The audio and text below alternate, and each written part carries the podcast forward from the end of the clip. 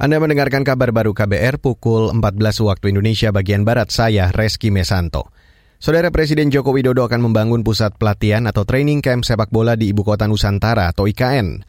Jokowi menilai perkembangan sepak bola di tanah air makin baik. Itu disampaikan Menpora Zainuddin Amali usai bertemu Jokowi di Istana Merdeka pagi tadi karena rencana kita semua fasilitas-fasilitas olahraga baik yang utama maupun pendukung akan kita bangun di IKN dan sekaligus beliau beberapa waktu yang lalu sudah memberikan arahan kepada saya untuk kita bidding menjadi tuan rumah Olimpiade 2036 tapi proposal itu sudah mencantumkan pelaksanaannya ada di IKN. Saudara itu tadi Menpora Zainuddin Amali. Dalam kesempatan itu Ketua Umum PSSI Muhammad Iriawan mengaku senang dengan gagasan Jokowi membangun pusat pelatihan di IKN. Menurutnya itu merupakan hal yang ditunggu-tunggu oleh masyarakat Indonesia. Indonesia. Dengan adanya fasilitas tersebut, dia yakin sepak bola tanah air akan lebih maju. Beralih ke berita selanjutnya, Saudara. Menteri Keuangan Sri Mulyani memprediksi penerimaan negara bukan pajak atau PNBP dari sumber daya alam atau SDA pada tahun ini akan melampaui realisasi tahun lalu. Realisasi tahun lalu mencapai lebih 140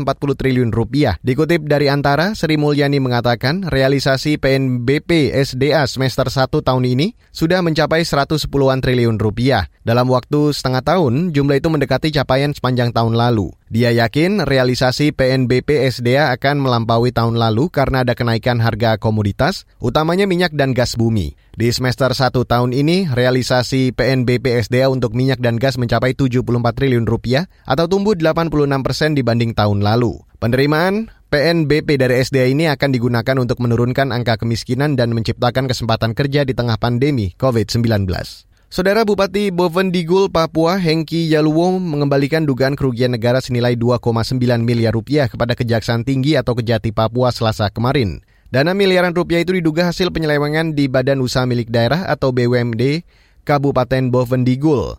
Hengki berjanji akan kooperatif apabila proses hukum kasus itu dilanjutkan. Sudah kembalikan kerugian negara yang mana uh, dana dari BUMD sudah kami kembalikan. Ya. bukan berarti masalah kita selesai. Tetap pada proses sehingga saya tidak bisa komentar hal-hal lain. Biar semua akan diproses semua berjalan sesuai dengan peraturan dan perundang-undangan yang berlaku di negara kesatuan Republik Indonesia. Kami sebagai warga negara taat terhadap hukum. Bupati Bovendigul Hengki Yeluwo mengatakan telah diperiksa penyidik Kejati Papua sebagai saksi. Dia berdalih mesti meminjam dana senilai 3 miliar rupiah pada BUMD usai pelantikannya pada akhir 2021 sebab Pemkap Bovendigul kesulitan anggaran. Dana 100 juta rupiah sudah distor, sisanya 2,9 miliar rupiah kini diserahkan ke Kejati Papua. Sementara itu, Kepala Kejaksaan Tinggi Papua, Nikolaus Kondomo akan mempelajari perkara tersebut. Dan saudara, Demikian kabar baru, saya Reski Mesanto.